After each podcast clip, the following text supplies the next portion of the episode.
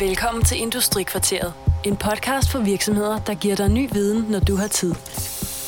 Dine værter er Marianne og Rasmus fra Brønderslev Erhverv. Industrikvarteret. Ny viden, når du har tid.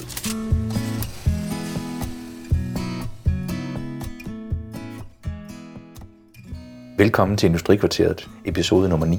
I den her udgave taler vi om finansiering med Hans Peter Christensen fra Uvildige. Mere om det lige om lidt.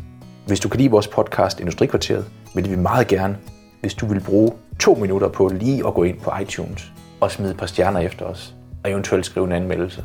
Det gør, at vores podcast kommer lidt længere ud og får en bedre placering i iTunes, og derigennem kan nå endnu flere mennesker.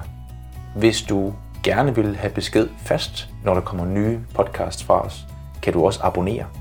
Det kan du gøre både hvis du har en Android-telefon og hvis du har en Apple-telefon. Vi har lavet en vejledning til, hvordan du kommer i gang, og den ligger på vores hjemmeside på Brunderslev Erhverv. Og endelig husk, du må meget gerne dele vores podcast.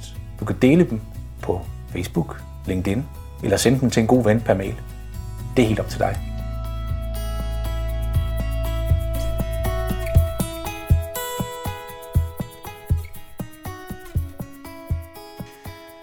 Velkommen til Industrikvarteret. I dag der er vi ude og besøge Hans Peter Christensen fra Uvildige. Og vi skal tale om finansiering, lånemuligheder og alt muligt andet godt. Men inden vi går i gang med det, så først velkommen til Hans Peter. Tak skal du have, Rasmus. Øhm, Jeg vil gerne høre lidt omkring jer først som virksomhed. Hvad er det egentlig, I går og laver?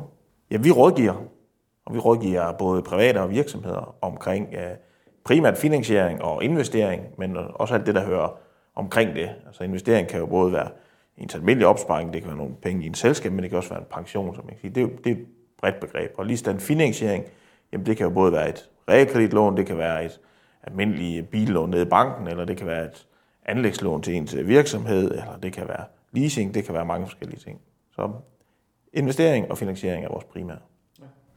Og det er virksomhedsvinklen, vi nok skal tale mest om nu her.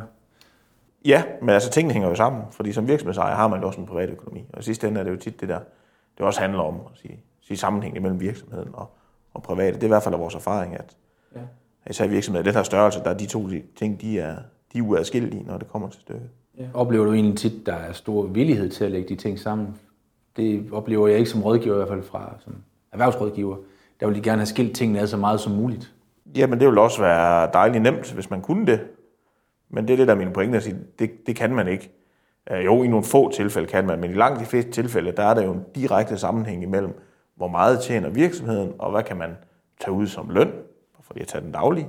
Men også hvis man skal ned og have noget finansiering, uanset om det er banken eller leasingselskab, så vil de ofte kræve en personlig hæftelse, hvis ikke det er en personlig eget virksomhed i forvejen. Og dermed så er der jo en sammenhæng. Jo større virksomheden bliver, øh, jo mere vil de blive skilt af fra hinanden, fordi så er det mere virksomheden i sig selv, der bærer det. Men især i en opstartsfase eller i de, i de mindre virksomheder, der, der hænger tingene altså sammen. Ja. Det er en fejl, jeg tit støder på også i, fra iværksættere, at de tænker, at hvis man har lavet anpartsselskabet eller øh, IVS'et, så er, er man fri for hæftelse. Jamen, man kan sige, hvis man har lavet det i selskabsform, så kan man i hvert fald øh, selv bestemme, hvorhen man vil hæfte. Man kan sige, hvis man har lavet det som en personlig ejet virksomhed, jamen, så hæfter man jo automatisk alle steder, uanset om det er i banken, eller det er noget leverandørgæld, eller man bliver sagsøgt af en kunde, eller et eller andet. Hvorimod selskabet, jamen, der er man jo ude og skrive under på en yderligere hæftelse over for banken, eller over for leasingselskabet. Men man har jo stadigvæk begrænset sig over for de andre tilfælde, for eksempel hvis det er en leverandør eller en kunde, eller noget, så, så kan de jo ikke komme med den personlige hæftelse, medmindre man har, har indgået i det ved siden af. Jamen det er det, jeg tænker på også, at det er, det er banklånet egentlig primært, fordi i 9 ud af 10 tilfælde, der skal man skrive under, altså hæft personligt, hvis den der ikke i 10 ud af 10 tilfælde. Ja, men mindre der er meget god øh, sikkerhed i øh, selskabet, så vil som udgangspunkt øh, banken kræve en, en personlig hæftelse. Hvilke lånemuligheder har jeg egentlig som virksomhed, hvis jeg skal lave nye investeringer og øh, have bygget op? Jamen, øh, der er mange muligheder. Altså, den klassiske er jo selvfølgelig at gå i banken. Øh, og hvis det er nogle maskiner eller noget meget specifikt, du skal ud og låne til, så vil man typisk lave det som et lån, hvor man siger, jamen nu skal jeg ud og investere i et eller andet nyt, og det regner jeg med, at det så tilbagebetaler sig via en øget omsætning i, i virksomheden. Så vil man lave det, her et anlægslån, altså hvor man, man låner til noget konkret. Og det skal være en bil, maskine osv. Uh, Øh, Alternativt, det er jo en kassekredit, hvor man simpelthen får en, en trækningsret på for eksempel en halv million, jamen så kan man jo øh, bruge den, øh, som man nu har behov for det. Men det vil typisk være mere driften, man finansierer der, altså til indkøb af varer, eller i perioder, hvor man har nogle lønomkostninger, indtil man så kan levere produktet til kunden og få pengene ind, jamen der har man et eller andet likviditetsbehov, og det dækker man så via en, en kassekredit. Så det er sådan de, de klassiske, enten et lån eller en kredit ned i banken. Men så er der jo mange øh, andre øh, muligheder, hvis det er de her alternativ til anlægslån, altså hvis man skal ud og købe en maskine eller en, en vogn eller noget andet, jamen så kan man typisk øh, lave en leasing-aftale i stedet for med et leasingselskab. Øh, og dem findes der forskellige måder at lease på. Øh, det, der minder mest om øh, lånet i banken, det er det, der hedder finansiel leasing, hvor, det, hvor man egentlig bare låner pengene hos et leasingselskab, hvor de så har, har sikkerhed i netop den maskine eller den bil, eller hvad nu det er, man har købt. Og så har man egentlig en, en aftale med dem, at man betaler en ydelse til dem og en udbetaling på samme måde, som man vil gøre i, øh, i banken. Så kan man komme over i noget operationel leasing. Der er der så nogle andre ting med end bare lånedelen. Der kan være noget service eller øh, nogle andre ting med i, i aftalen, hvor man så betaler for noget andet end bare det at låne pengene, men man får så også noget mere end bare det øh, at låne. Så det er sådan øh, det typiske alternativ til et banklån. Hvis man tager alternativ til kassekreditten, så kunne det være noget øh, fakturabelåning, kaldte man det i gamle dage. Nu hedder det vist factoring. Øh, fint ord for det samme. Hvor man, øh, det, og det er typisk i de situationer, hvor man skal levere noget til nogle øh, kunder, som har en lang betalingstid, jamen så kan man på baggrund af de penge, man ved, man får ind fra den kunde, man har solgt til, man siger, jeg ved, der kommer nogle penge ind om 60 dage, jeg har solgt til en eller anden stor virksomhed, Øh, jamen, så kan man gå ned og få øh, belånt sine fakturer, og så få udbetalt måske 80 eller 90 procent af det, man har solgt for, og så få øh, likviditeten, altså pengene, fra factoring-selskabet i, i stedet for. Og så betaler man selvfølgelig også en rente på, på samme måde, som man gør på en kassekredit. Og igen kan der så være nogle ekstra ydelser koblet på. Man kan fx få en forsikring, hvis nu er det ens kunde så ikke betaler, jamen så går den ind og dækker det. Og der kan også være noget fakturering, noget administration af de her fakturer, noget rykkerskrivelse osv. med i den aftale, man laver med factoring-selskabet. Øhm, men, men det vil typisk være alternativet til en, til en kassekredit. Så ved factoring, der er det ikke i så høj grad, at du sælger din faktura, der er det mere, at du låner penge med din faktura som sikkerhed? Ja, så det er jo i, i princippet det samme. Altså det er det factoring-selskab, det er så dem, der modtager pengene fra kunden den dag, hvor kunden betaler, og så har du jo fået nogle af pengene på forhånd, og så får du så de, de sidste penge, når, når kunden så betaler øh, til factoring-selskabet. Øh, selvfølgelig øh, mister du så den rente, som, som du betaler, men den vil du også betale på din, på din kassekredit. Mm. Og så kan man selvfølgelig overveje, hvad der er billigst, og, og igen, om der er nogle andre ydelser, end, end bare det, at man får likviditeten med. Men det er man nødt til at sammenligne fra, fra gang til gang. Hvad tilbud har man fået på en kassekredit i banken, og hvad tilbud har man fået fra, fra factoring-selskabet.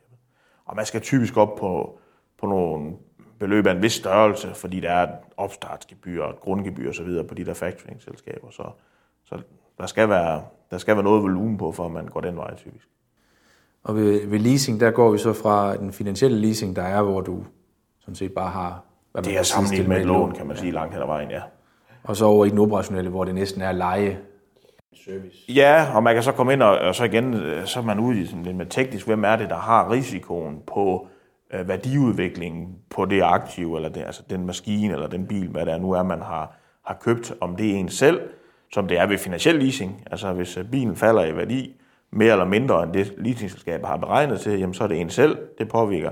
Hvorimod når man over operationel leasing, så er det typisk være leasingselskabet, der har den risiko eller den gevinst, hvis nu det viser sig, at det er mere værd. Så det er også nok at gøre med lige, hvor, hvor er det øh, risikoen den ligger henne, og så betaler man selvfølgelig for at få den afdækket.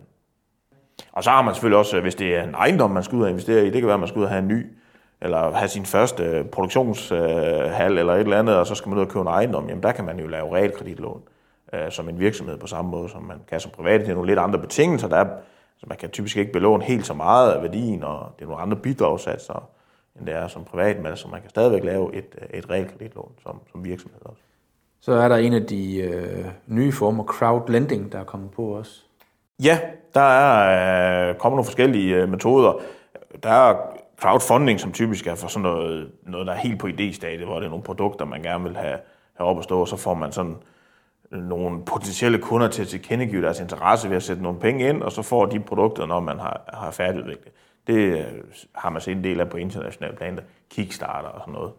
Og så er vi så kommet over i noget, som man kalder man kan kalde det peer-to-peer, eller man kan kalde det crowdlending, som du er inde på, hvor det er, øh, hvor man ligesom springer banken over, at det er nogle investorer, det kan være private eller professionelle investorer, som, øh, som har en pose penge, øh, som øh, de så øh, via et øh, selskab låner ud til virksomheder.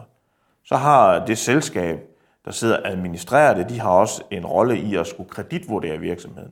Så hvis du som en, øh, en mindre virksomhed har et eller andet behov for at låne nogle penge, jamen så kan du henvende dig til det her selskab, der administrerer det, og sige, at jeg, har, jeg skal låne så så meget, det er til det og det, jamen så vil de se dine regnskaber, de vil lave en kreditvurdering af det, ligesom de gør i banken, og så øh, giver de så besked videre til investorerne og siger, nu har vi den her case, en virksomhed, der gerne vil låne til det og det og det, vi foreslår, at renten er så og så meget, og så skal man så se, om man kan blive enige de, de parter imellem. Og så låner man egentlig hos nogle investorer, som ikke er en bank, og, øh, og det skulle så have den fordel, at, at der måske er lidt lavere omkostninger i det. Så en bank har jo nogle, øh, nogle omkostninger til at have noget kapital stående, og har sådan helt helt setup, de skal have kørende, hvorimod det, det er måske lidt mere agilt at, at, at køre det på den her måde. Og så er de måske mere risikovillige, de private investorer. Fordi man kan sige, deres alternativ er nogle, nogle obligationer med en meget lav rente, eller ingenting i indlån, jamen, så vil de måske godt gå ud og påtage sig lidt mere risiko for at låne ud til de her men, men man kan sige, meget afhænger jo af den der mellemmand, det der administrationsselskab, som skal sidde og lave den her kreditvurdering.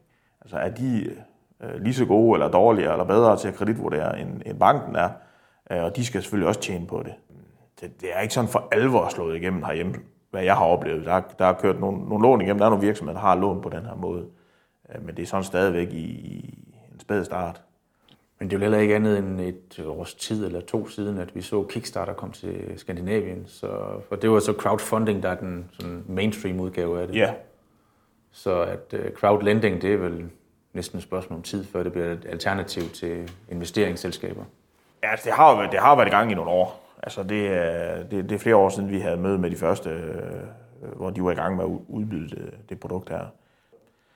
Øh, og vi så faktisk for ja, det er nok 10 år siden, der var der faktisk en, en portal herhjemme, hvor man som privat kunne hjælpe med at fonde opstartsvirksomheder i Afrika.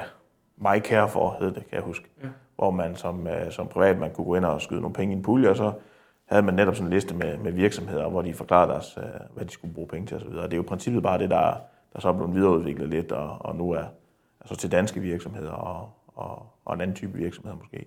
Men du har ikke rigtig haft så mange crowdlending eller øh, vi har ikke, øh, jeg har ikke haft nogen kunder, der selv har, har benyttet det. Man kan sige, man, man, man kan selvfølgelig altid undersøge det. Det, det, altså, det koster ikke noget at, at sende en ansøgning ind på samme måde, som man kan søge det i banken. Så hvis man sidder der og overvejer, hvad er mine muligheder, jamen øh, så, øh, så kan det da godt være værd øh, at, at give det en, øh, en chance at få et tilbud hjem på det. Og, og det, hvis man står og har et behov for øh, noget finansiering, jamen så skal man jo sætte sig ned og sige, hvad er mine muligheder, og så forsøge at indhente konkrete tilbud. Fordi man ved jo aldrig, om man kan låne i banken, før man decideret har været ned og spørge.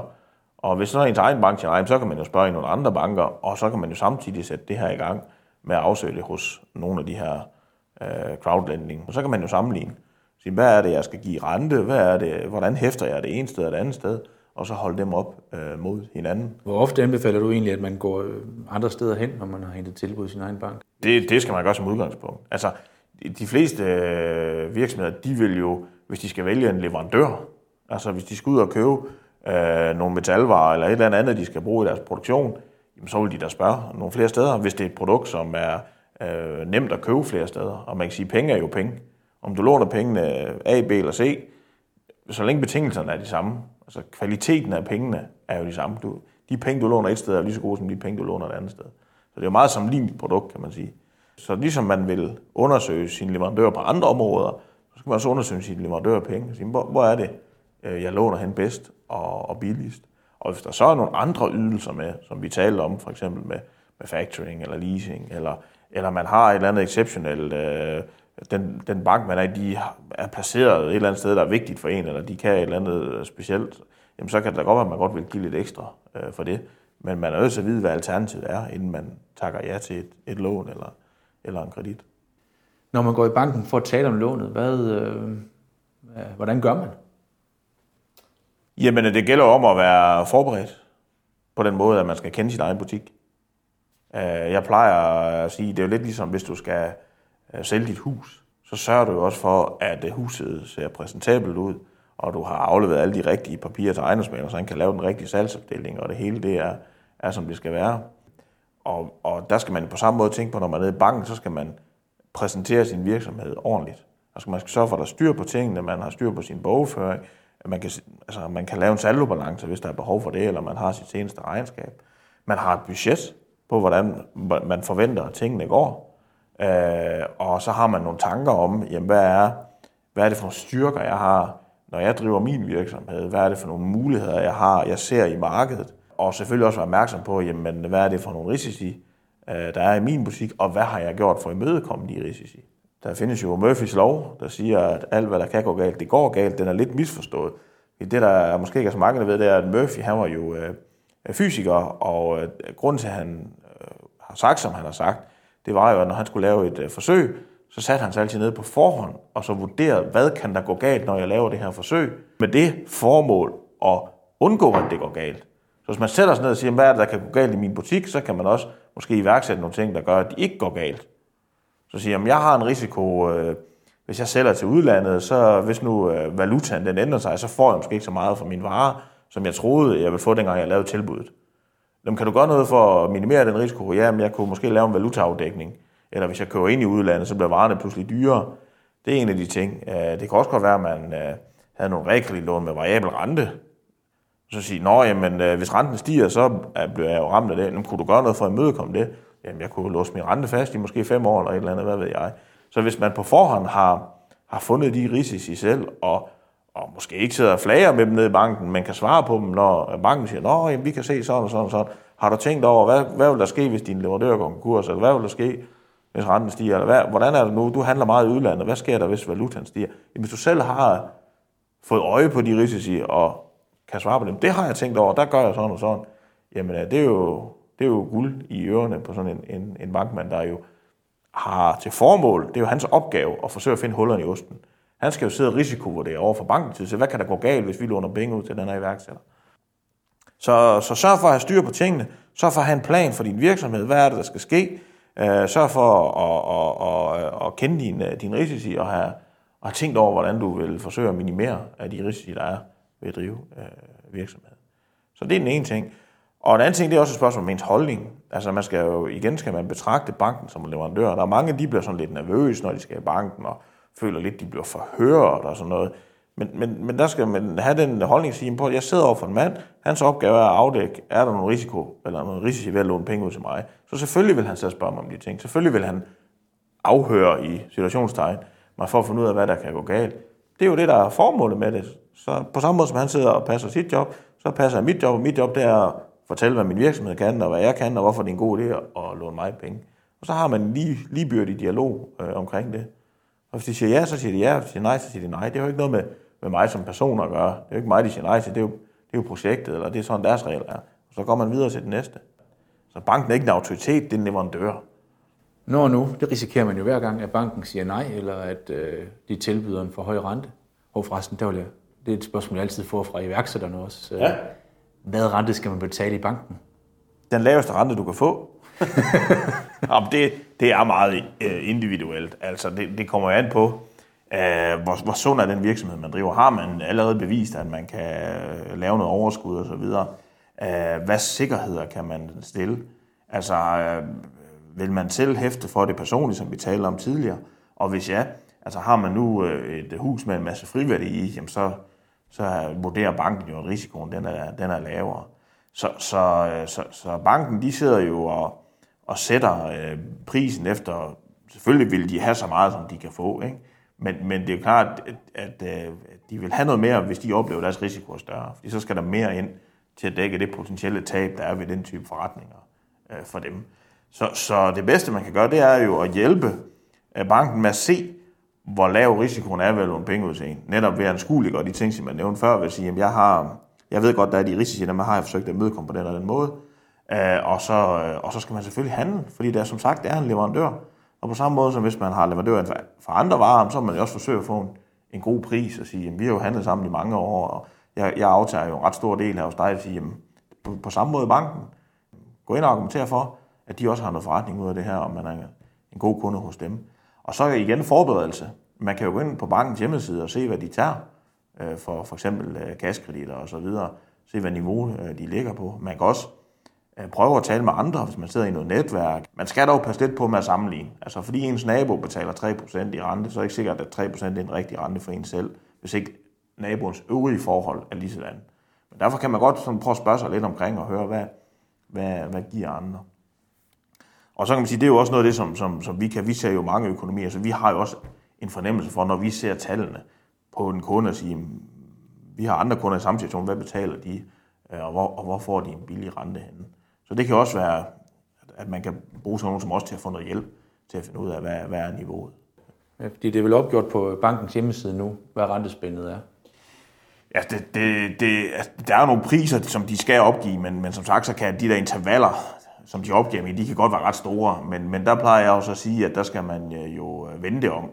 Altså hvis banken oplyser en pris, der hedder øh, mellem 6 og 12 procent, så vil jeg sige, som udgangspunkt det vil være 6. Så må det være bankens opgave at forklare, hvorfor den skal hedde 12. I stedet for at banken siger, jamen vores udgangspunkt det er jo 12, men du er jo en god kunde, så vi har, vi har sat dig til 10. Ikke? Så du har fået 2% i rabat ikke? fra 12 til 10. Så vil jeg jo vente om at sige, at jeg kan se, at øh, I giver en pris, der hedder 6 til nogle kunder. Hvad er det, jeg har gjort, siden jeg ikke skal opnå den pris? Og så må det jo være banken, der kan forklare, hvad det er for nogle risici, de ser og så videre. Også? Så igen, så kan man jo få et snak om, hvordan man kan imødekomme dem. Men der, nu, da vi taler om alternativ før, øh, nogle af dem vi ikke taler om, det er, at der findes jo også nogle øh, lånemuligheder i form af offentlige eller halvoffentlige ting. For eksempel Nordjysk Lånefond er jo relevant her på det område, vi er, men også noget EKF, altså Eksportkreditfond og så videre, hvor man kan, kan, kan måske få nogle, øh, nogle lån eller nogle garantier eller noget på nogle andre vilkår, som også kan gøre, at man kan få en billigere pris i, i banken, hvis man, øh, hvis man gør det. Eksportkreditfonden, det er jo så, hvis du har et salg i gang til udlandet, så kan du finansiere salget for, øh, for Yes. modparten sådan set. Ja, de, ja, man hjælper egentlig dem, der skal købe dig, ikke også? Men, men det kan også være en måde, hvorpå man så, hvis man ved, at dem, der skal købe, de er sikre på at kunne betale, så kan man selv opnå nogle bedre betingelser. Ja. Fordi det er jo også noget, det banken de siger som en risiko. Siger, "Jamen, det er fint nok, du sælger til dem og dem og dem, men hvad hvis dine kunder de ikke betaler dig? Det, det er sjovt, fordi den anden, det er en anden vej rundt. Vi hører det tit, at det er et ekstra salgsparameter i forhold til at kunne levere i udlandet. Mm. At det minimerer din risiko, eller det minimerer ikke din risiko, det, det giver en bedre lånepakke eller finansieringspakke for modparten. Ja, At de kan låne i Danmark. ja. Men det øger så også, for dig som sælger, så øger det også sandsynligheden for, at du får dine penge for det produkt, du sælger. Ja, enig. Den danske stat har lidt større øh, sikkerhed at komme med end, øh, en russisk virksomhed. Hvordan med, nu øh, har jeg været i banken, og jeg har fået at vide, at jeg skal betale 12% i rente. Det synes jeg selvfølgelig er for meget, så jeg tager mit pæne tøj og går. Hvordan skal jeg så tage fat i, øh, hvad skal min slagplan være for at finde ny finansiering? Ja, for det første så gør du det i omvendt rækkefølge. Du finder den nye finansiering først, ellers så står du uden finansiering. så, så man skal aldrig opsige et, øh, et lån eller gøre sig uvenner med sin nuværende øh, bank og lave alt for stort øh, ravage dernede, fordi man skal betale 12% i rente, hvis ikke man er sikker på, at man kan låne penge et andet sted. Og hvis man betaler 12% i rente, og man så spørger 10 andre steder, og de alle sammen siger nej eller 15%, jamen så kan det godt være 12%, det faktisk er den rigtige rente. Og hvis man så synes, man ikke øh, vil give 12%, så må man jo lade være med at låne, for at sige det sådan lidt nøgternt. Men, men, men man har jo ikke krav på en kredit, man har jo ikke krav på en billig rente. Altså det er, et eller andet sted er det noget, man skal gøre sig fortjent til, for at sige det som det er. Øh, og så må man jo bare lægge sig i og så sørge for at have, at virksomheden giver øh, nogle gode resultater, og sørge for, at man har sparet nok op til, at man også kan stille noget sikkerhed. Men hvis nu man er øh, nervøs for, at de tager for meget der, hvor man, man kun i dag, jamen, så skal man som sagt gå ud og få et tilbud et andet sted fra. Gå over og snak med nabobanken. Øh, De danske pengeinstitutter største udfordring i øjeblikket, det er, at de ikke har nogen at låne penge ud til i tilstrækkelig grad. Altså, de, de har en kæmpe øh, indlånsmasse. De har masser af indlån stående fra deres kunder, som mangler et sted at blive lånt ud til. Og vi har set en opblødning i, øh, i både de krav, de stiller til virksomhederne, og også lidt konkurrence på, på priserne. Så det, det er et godt tidspunkt at gå ud og, og spørge et, et andet sted. Og igen, sørg for at have, have, have forarbejdet i orden, sådan at når man kommer et andet sted hen, så siger man, jamen goddag, sådan og sådan, hvad skal I bruge? Jamen, vi skal bruge regnskaber, vi skal bruge budget, og så jamen fint, det har du inden for 24 timer. Så har man mail klar, sender det til dem. Ikke? Så har man allerede lavet et godt første indtryk. Uh, lige stand med en opdateret forretningsplan, uh, Øh, og, øh, og igen nogle, nogle tanker om, hvorfor er det, man gerne vil øh, skifte pengeinstitut. Hvis man går ned og siger, at det er bare fordi, jeg vil have det 2% billigere, øh, så ved de jo også godt, at i det øjeblik, de ikke er prisførende, så er man måske på vej videre til det næste sted. Så man må også godt slå på at sige, jamen selvfølgelig vil jeg gerne have en billigere pris, men jeg vil også godt have nogen, som jeg kan have en god sparring med, og, og hvor man føler, at der ligesom også er en, en, øh, et fornuftigt øh, forhold med kunder, kunder og leverandører imellem. Ikke også?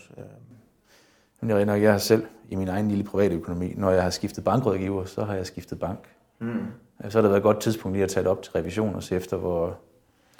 Sådan er der mange, der har det, øh, og man kan sige, at relationen er vigtig. Den, den, den skal man jo ikke underkende, at, øh, at det er vigtigt at have nogen, som man, man, der, man føler, man kan have en god samtale med, og som også øh, vender hurtigt tilbage, og alle de der ting, som, som man gerne vil have.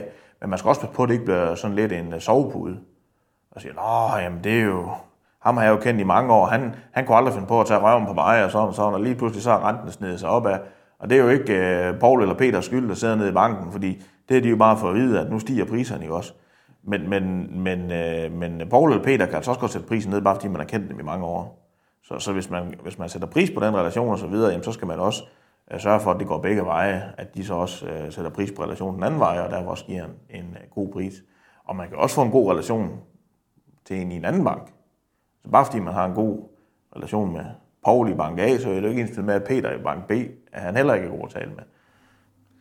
Nu, øh, en af de ting, jeg tit hører banker sige, du, nu talte du iværksætterkursus, det er samme sted, jeg hører det fra bankerne, det er, at de vil rigtig gerne have, at man giver tilbagemeldinger mm. på økonomien. Har du, har du en holdning i forhold til det, hvor, øh, hvor langt man skal gå ned i forhold til tilbagemeldingerne til banken? Og det er jo klart, at de vil jo gerne have sådan en løbende øh, opfølgning på, hvordan det går, fordi så kan de jo også bedre holde øje med, om det er på vej et, øh, et, et øh, forkert sted hen. Øh, og det er en øh, balancegang, fordi øh, som udgangspunkt er jeg enig i, at det er fint at oplyse om, hvis der, er et, hvis der sker en ekstraordinært. Øh, man kan sige, hvis man kan se, at man får behov for at forhøje kreditten i en eller anden periode, eller man lige skal bruge noget ekstra til en momsafregning eller et eller andet, jamen øh, jo før man ved det, og jo før man kan gå ned og sige det nede i banken, øh, jo bedre. Fordi hvis man kommer lige dagen inden og siger, åh, oh, jeg har så glemt, at jeg skal betale 100.000 i moms i morgen, kan I ikke lige hjælpe mig? Øh, det, det har man vist i et stykke tid, så det var bedre at komme og sige det den der halvanden måned i forvejen, og noget sige, vi får en udfordring der. Øh, vi så under finanskrisen, at der var der altså nogle banker, som øh, selv var så presset, at øh, der, ja, man kan jo ikke sige, at de misbrugte informationen, men, men der havde de meget travlt med at hytte deres egen rumpet, og, og, og, og, der, og der skar de simpelthen kreditterne ned i takt med, at pengene kom ind og så videre, hvor, hvor der, der var der nogle situationer, hvor man måske var nødt til at tilbageholde nogle informationer, eller få nogle indbetalinger ind i en anden bank, alene for at kunne, kunne overleve i sin, øh, i sin drift. Så, så det er en balancegang, og, og udgangspunktet er, jamen del informationer med hinanden, sørg for at have en god relation, hvor man taler om tingene, øh, men, men uden at være direkte naiv, og så bare... Og hvis man så er i gang med at skrive huset over i konens navn, fordi man kan se, hvad vej det går, så er det ikke sikkert, at man lige skal sige det i forvejen nede i banken. Altså, ja. Så, så, så alting med måde, men, men jeg vil sige, i 98% af tilfældene, der er god og åben kommunikation mellem kunder og leverandører. Det er jo øh, fornuftigt. Hvad med, nu sagde du, at man skulle styre økonomien, når man skulle tale øh, lån. Har du nogle gode råd til oprydning i økonomien, inden man går ind? Få styr på de der helt centrale, kedelige ting, som bogføring og administration. Fordi det er altså ryggraden i, øh, i mange virksomheder, at man kan gå ind og aflæse, jamen, hvad har vi solgt for, hvad har vi af omkostninger, er vi på budget, eller er vi ikke på budget. Hvis ikke, hvis ikke man har den information om, hvordan det går i virksomheden, hvis det er sådan noget øh, mavefornemt, jamen jeg synes, vi har solgt meget i den her måned, og det, det ser rimeligt ud med, med ordren og så videre. Hvis ikke man, man kan gå ned og, og, og aflæse det, og, og kunne videregive det til relevante parter, for eksempel banken eller leasingselskabet eller et eller andet, så, så kommer man bagud på point.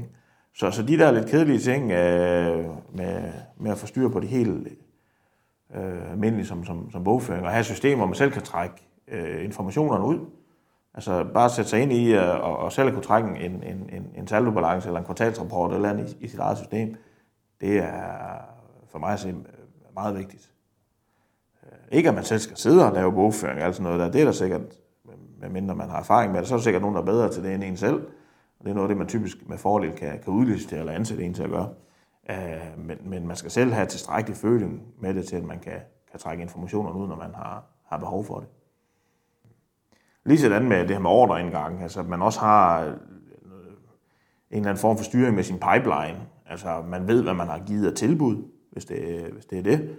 Øh, og, og man måske har lidt føling med, jamen, hvad er hitraten normalvis? Altså, hvor, mange, hvor stor en procentdel af vores tilbud er det, vi typisk får hjem? Hvis man har været i gang i et stykke tid, så vil man typisk kunne begynde at lave noget, noget statistik på det, og sige, jamen vi ved, at hver gang vi giver tilbud, så er det halvdelen, der bliver sådan noget. For så har man også hele tiden følelse med, at hvis vi har tilbud for 2 millioner, så kan vi forvente, at der kommer ordre for 1 million, og så kan vi planlægge øh, derefter. Det er jo også næsten det, som øh, de fleste virksomheder knækker nakken på. Det er enten at få for få ordre ind, eller for mange. Ja, det er det med, altså man kan kalde det kapacitetstilpasning. Altså man sørger for at have tilstrækkelig kapacitet til at håndtere øh, det arbejde, øh, man har, men ikke have for meget, fordi så har man jo nogle, nogle meget øh, tunge omkostninger. Det, kan, altså, det er jo dumt at stå og betale løn til to medarbejdere, der, der står og tæller skruer ude på lageret, fordi der ikke er nogen, øh, nogen ordre til dem. Ikke også?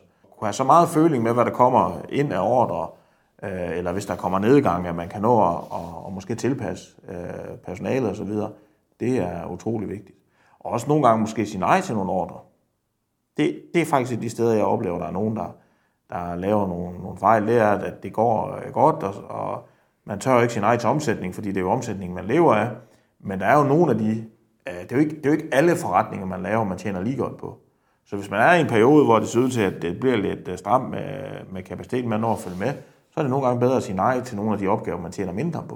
Og hvis man så er rigtig heldig, så kan det være, at kunden kommer og siger, at jeg vil bare købe det her, eller så vil jeg godt give noget mere for at få det gjort inden for. Nå ja, men fint nok, så har man jo noget ekstra øh, marken eller indtjening, hvor man så kan gå ud og, og hyre ind øh, ekstra ordinært i situationen. Men at, at man fokuserer for meget på omsætning frem for indtjening. Hvordan, øh, nu havde jeg skrevet på, om du havde tre gode råd til finansiering, når man skal ud ja. og finde finansiering. Kan du komme med tre gode råd, når man skal i gang?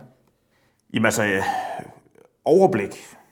Og det er overblik både over sin egen butik, altså sørge for at kende både indtægtssiden og udgiftssiden, og det her med, hvad er forventningerne til fremtiden, have et budget, og altså kende sin, sin forretning, og ikke kun kende salgsdelen, eller produktionsdelen, eller hvad nu det er, man har, har startet op øh, med.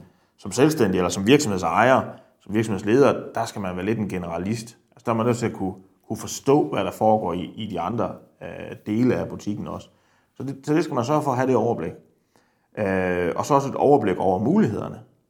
Altså, nu nævner jeg leasing og factoring, så hvis aldrig man har hørt om det, jamen igen, så er man nødt til lige at, at, at bruge en aften på at sætte sig ned og sige, okay, hvis jeg skal ud og låne penge, hvad, hvad har jeg så reelle muligheder? Gud, er der noget, der hedder lånefond? Er der noget, der hedder øh, crowdlending? Øh, hvad er det for noget? Lige bruge lidt tid på at, at, at sætte sig ind i sådan en helt overordnet, hvad det er for noget, så man har et overblik over ens muligheder. Og så kan man jo begynde at se, hvordan de, de passer sammen, når man har overblik over sin egen butik, og man har overblik over lånemarkedet. Jamen, hvad er det så, øh, der passer øh, for mig? Og så er vi egentlig lidt over i den næste, det der med at forstå øh, grundbegreberne. Øh, det er realistisk at tro, at man kan blive specialist i alt, men de helt sådan grundlæggende øh, begreber inden, så sådan noget som OUP, altså årlig omkostning procent, hvad, hvad betyder det egentlig? Sådan et helt lavpraktisk eksempel, så er der jo stor forskel på at betale 8% i rente og 0 kroner i gebyr for at få etableret et, øh, et lån på for eksempel 100.000. Det virker måske dyrt, at man skal betale 8% i rente, hvis man er blevet tilbudt det 4% i rente nede ved, ved bilforhandleren, hvis det var en bil, man skulle låne til. Men hvis bilforhandleren så skal have øh, 10 eller 15.000 kroner i gebyr for at oprette et lån på 100.000, så vil det samlet set faktisk være dyrere at betale 4% i rente end 8% i rente. Men hvis man kun kender begrebet rente, så vælger man måske bare den med den laveste rente, og fokuserer ikke på OOP, som ellers meget hurtigt vil kunne fortælle, hvad for et af dem, der så var, var billigst af de to. Så sådan noget med lige at forstå sådan nogle helt øh, grundlæggende øh, begreber inden for de forskellige områder. Hvis man støder på noget, man ikke forstår, så i stedet for bare at springe hen over det, så lige bruge fem minutter på at slå det op. Man kan finde meget på Google nu om dagen. Og lige stand i resten af, af områderne i ens øh, butik, hvis der er nogle, nogle fundamentale ting inden for, for salg og markedsføring, eller inden for øh, økonomi, eller inden for øh, personalehåndtering osv., jamen, der kan godt være nogle, nogle ting, man er nødt til lige at sætte, sætte sig ind i. Og også når man sidder og taler med, med dem nede i banken, ja, det der, hvis de bruger nogle ord, som man ikke forstår, jamen, så spørg ind til dem. Få dem forklaret, det er jo også en god måde at, at begynde at forstå dem på, i stedet for at man bare sidder og nikker og så tror man, man har forstået, hvad der foregik på det møde, og så bliver man lige pludselig rent over. Når var det det en selvskyldende kaution, den betød, ikke? Når man har fået regningen og står der ved at miste huset, fordi man ikke lige gad at sætte sig ind i, hvad en selvskyldende kaution var, dengang man skulle skrive under på lånet. Fordi man havde jo bare travlt med at låne pengene for at komme ud og købe den der maskine. Så det bringer os over til den tredje, og det er at holde øje med risici. Det kan jo fx være en risiko, det der med, at man hæfter for noget, som, som man egentlig ikke har tænkt sig, man vil hæfte med. Altså man pludselig har sat, sat øh, det private øh, hus i spil, øh, hvis ikke det var det, man ville. Men også øh, de risici, jeg var inde på tidligere, det kan fx være en valutarisiko, om man handler med udlandet. Det kan være, at man har nogle store lån med en variabel rente. Det kan være, at man er, øh, har nogle leverandører eller nogle kunder, man er meget afhængig af. Hvis man kun har to eller tre meget store kunder i sin, sin virksomhed, jamen så er man jo mere øh, ramt, hvis der er en kunde, der siger fra, end hvis man har 200 forskellige små kunder. Øh, og det var i øvrigt en, øh, en, øh, en ting, man lige kan huske, når man er nede i, øh, i banken. At det er banken, de vil jo typisk sige, at når de sidder på det risiko, at så man som selvstændig er man, så man mere risikofyldt engagement, altså mere risikofyldt kunde, end en lønmodtager Og der hørte jeg et godt argument på et tidspunkt, hvor der en, der siger, jamen øh, en lønmodtager har et job. Så hvis du som lønmodtager bliver fyret, så mister du helt dit indtægt. Så kan du måske få noget dagpenge osv., hvis du er berettiget til det. Hvorimod hvis man er selvstændig, og man har 200 mindre kunder, jamen hvis man mister en eller to eller tre eller fire eller fem kunder, så er det måske 5% af ens omsætning, der forsvinder. På den måde kan man sige, der er man jo eller mindre ramt af ændringer i indtægten, hvis ellers man har en, en virksomhed, man kan skalere derefter. Så den kan man måske huske lige at tage med til, til, til banken. Og i det hele taget, så er det, når man kommunikerer med banken, så er det nogle gange ikke, at, øh, ikke at, øh, at, at, at jeg synes, at, øh, at de ikke skal prøve, men man skal huske, at bank, altså, hvis man sidder over for en bankansat, så, så er det en helt anden verden, de lever i. Man kommer ned som lønmodtager, eller man, undskyld, man kommer ned som iværksætter eller virksomhedsejer, og, øh, og man har måske satset hele sin private økonomi, og man brænder virkelig for det, man laver, og lever for det 24-7. Ikke? Det, altså, når man vågner om morgenen, det første, man tænker på, det er en virksomhed. Når man går seng i aften, det er sidst, man tænker på, at man falder søvn, det er lige, åh, oh, der var lige en god idé til, at man skal have produktudviklet, eller en eller anden kunde, man skal have fat i. Og så kommer man ned og sidder over for en eller anden øh, bankansat, som har et lønmodtagerjob, og som, nu skal man selvfølgelig ikke skalle over en kamp, men, men øh, men bankfonden er ikke kendt for at være dem, der er allermest øh, risikovillige og, og sådan. Øh. Så man sidder jo med to meget forskellige syn på verden. Og man sidder som iværksætter og gerne vil fortælle om sin gode idé og om sin virksomhed, og alle de store planer, man har. Og så sidder øh, den banke sat over for og tænker, åh, oh, det lyder risikofyldt, åh, oh, det lyder risikofyldt, åh, oh, skal de også til det? Det er nok mange penge, de skal låne sig osv. Og, og, og, og det, den kommunikation, det der med lige at huske, når jeg måske skal jeg ikke lige bringe alle idéerne på bordet på én gang, eller måske skal jeg lige huske at fortælle, at jeg selvfølgelig har tænkt over, at der er en risiko ved det, osv. osv., osv. På samme måde som, som en god øh, bankansat, der kan tale godt med virksomhedsejere, også har en forståelse for, at det er en anden type mennesker, der sidder med, med et andet engagement og en, og en anden holdning til tingene, end, end de selv gør. Så, så den der kommunikationsdel, den er faktisk øh, super vigtigt. Og, og, og vores erfaring er, når det går skævt, med, med banken, eller når, når, hvis man skal have nogle, nogle, nogle gode aftaler, jamen så er det tit et spørgsmål om simpelthen at kunne, kunne kommunikere sammen og kunne præsentere sin egen case, sin egen virksomhed. Ja. Har du et, øh, nogle gode steder, man kan gå hen ud over Google for at få gode råd til øh, finansiering og ens økonomi? Ja, altså, der findes sådan en virksomhed, der er uvillig.dk. Det, det er et udmærket sted, vil jeg sige. der, der findes også øh, Jamen, der findes selvfølgelig masser af hjemmesider. Det vil jeg sige generelt, det er, at man skal, man skal altid, når man sidder og, og laver sit research, så skal man jo være kildekritisk. Og altid lige se, hvem er det, der, der afsender den information, øh, der ligger der. Øh, for der kan jo sagtens være noget bias eller subjektivitet i, i, i, øh, i det. Øh, men ellers så, øh, så har jeg ikke nogen bestemte øh, hjemmesider, jeg sådan kan, kan pege på. Men, men øh, kom gerne til os, ellers er der sådan nogle erhvervskontorer rundt omkring i landet, har jeg hørt om. Jeg ved ikke, om de ved en lille smule om, omkring sådan noget her også. Vi ved desværre ikke nok altid, må jeg sige. Nej, men så kan I spørge dem, og så kan de, øh, om ikke andet, sende jer videre til os. øh, man kan selvfølgelig, øh, revisoren er jo også, øh, er også et øh, godt øh, bud, hvor hvis man alligevel er inde og, og får lavet sin regnskab og så videre, øh, men så har de typisk også noget, noget erfaring. Altså, de er jo ikke specialister i, øh, i finansiering, men men øh, vi ved jo også bare, at øh, bankerne og så videre, de elsker jo at få et eller andet budget, der er lavet af en, øh, en revisor frem for øh, virksomhedsejeren øh, selv bare lige har siddet og strikket det sammen. Det vil jeg så sige, hvis man er god til at fortælle om forudsætningerne, og hvorfor man har lavet budgettet, som man har, så, så er det jo bedre, end at man har et revisorbudget, og så kan man ikke uddybe, hvad det er for nogle øh, tal, der står der i.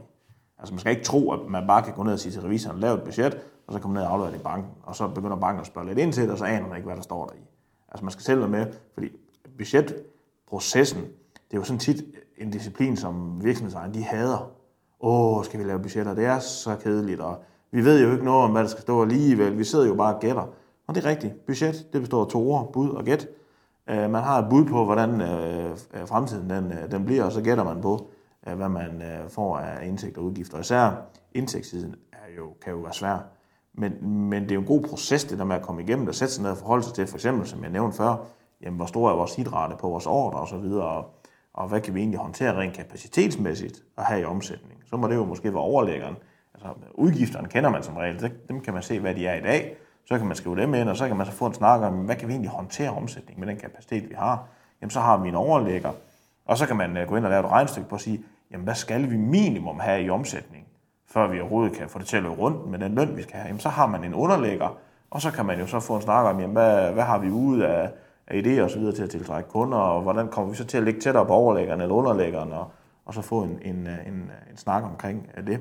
Og det plejer altså at give en, en rigtig god øh, hvad en gennemgang af, hvad har man af muligheder i virksomheden, og hvad, hvad skal der egentlig til for at få en god øh, forretning. Så, så lad være at betragte det her budget som en sur pligt. Betragt det som en rigtig god måde at fortælle om, hvad skal man med virksomheden, og gøre sig selv nogle tanker om, hvis ikke man, man vender det med nogen. Hvad, hvad er det egentlig, jeg vil med virksomheden? Jeg vil sige, nu, nu er det fra iværksættersiden, øh, jeg siger det her, men jeg anbefaler oftest, at man bruger en statsautoriseret revisor i opstarten, og det er fordi, jeg kan se, at der er større hit rate. De, der har det, det fine stempel på budgetterne, der går i banken, øh, der er nogen, hvor jeg forventen fra negativ svar til positiv svar. Øh, men de rigtig gode iværksættere, det er jo dem, der kommer ind og så brokker sig over revisoren bagefter og siger, at han hældte jo bare mit budget over i øh, et nyt ark, og så afleverede det, og så tog 5.000 for det. Mm. Og så gik jeg i banken, og, øh, og det var det, der skete. Men de, som du siger, de har selvfølgelig også fordelen af begge dele. De kender tallene, og de har det fine stempel på forsiden. Jo, og der skal man jo så vide, at der hersker jo sådan en vis det grøv mentalitet i, i bankerne, ligesom så mange andre steder. Og der kan man sige, at den øh, øh, Øh, bankansatte, der har bevilget lånet til iværksætteren, som havde et øh, budget fra status. Øh, han kan jo sige, jamen jeg sad jo med et budget, I kan gå ind og kigge i sagen, der ligger jo et budget, det er jo lavet af en statsautoriseret revisor. Det, det er jo ikke mig, der har gjort noget galt så. Så er det jo bare iværksætteren, der ikke lever op til budgettet. Hvorimod hvis der kommer sådan et hjemme lavet budget ind, så har der måske været en større øh, forventning til, at den bankansatte har spurgt mere ind til budgettet og selv har forholdt til det osv. Så, så man kan sige, man gør jo den andens job nemmere ved at komme med et, der, der står på et stykke papir med et fint logo. Men igen, det er ikke noget værd, hvis ikke at virksomhedsejeren selv har øh, indblik i, hvorfor er tallene, som de er. Hvis man øh, vil høre mere fra dig, så øh, har jeg fundet af, at der ligger et hav af videoer der på YouTube. Men udover det... Ja, jeg tror ikke engang, de ligger på, på YouTube. Øh, jo, der ligger, jo, der ligger nogen, det er rigtigt. Øh, men ellers også inde på vores hjemmeside har vi også et, et afsnit, hedder videoer. Ja, hvor du også taler omkring nogle af de ting her. Der var faktisk også nogle fine budgetter. Det var så hjemmebudgetterne, kunne jeg se, I havde lagt ind. Ja. Så et sted, man kunne starte med at gå ind, det var at gå ind og snuse på uvildige.dk i hvert fald. Ja, og som sagt, privatdelen, den er også vigtig. Fordi især som iværksætter eller som, som lille virksomhed, når man skal sidde og lave sine budgetter, så er man også nødt til at vide, som sagt, hvad skal man ud i løn? Og hvis ikke man kender sit privatbudget, så ved man ikke, hvad der skal til for, at privatdelen hænger sammen. Og hvis ikke man kender sin private formue, så ved man heller ikke, om øh, om det var billigere at hjemtage et realkreditlån på en halv million i sit eget hus, og så skyde ind i virksomheden, i stedet for at skulle optage et lån ind i virksomheden, eller en kredit til 12% i rente ind i virksomheden. Så, så, så der er jo bare en sammenhæng imellem privatøkonomien og virksomhedens økonomi, som man er nødt til at forholde sig til. Og, og, og det er ofte der, vi, vi ser, at der er nogle optimeringsmuligheder i, i at udnytte de ting øh, bedre. Det kan også være folk, der måske kunne tage mindre ud i løn, og så kunne de øh, have noget bedre likviditet i virksomheden, øh, i stedet for at tage en masse løn ud og betale en masse i skat, øh, og så låne en masse penge i virksomheden samtidig. Så der, der kan være meget øh, at komme efter ved, ved at gøre det rigtigt. Men ja, velkommen til at kigge ind på hjemmesiden og, og tage fat i os, hvis der er behov for det. Ja. Det har, det har faktisk været spændende. Selvom det, har, det er et emne, som de fleste af os synes ikke er så spændende egentlig, lån og, og penge, så, øh, så synes jeg, det har været en spændende snak. Du skal have tak, Hans Peter. Ja, velbekomme. Du har lyttet til Industrikvarteret. Industrikvarteret produceres af Brønderslev Erhverv og sendes gratis til inspiration for dig. Vil du høre tidligere episoder, kan du hente dem på brønderslevererhverv.dk eller iTunes. Der kan du også abonnere på dem som podcast. Du kan kontakte os på erhvervsnabelag 99 3x45.dk eller på telefon 99 45 52 00.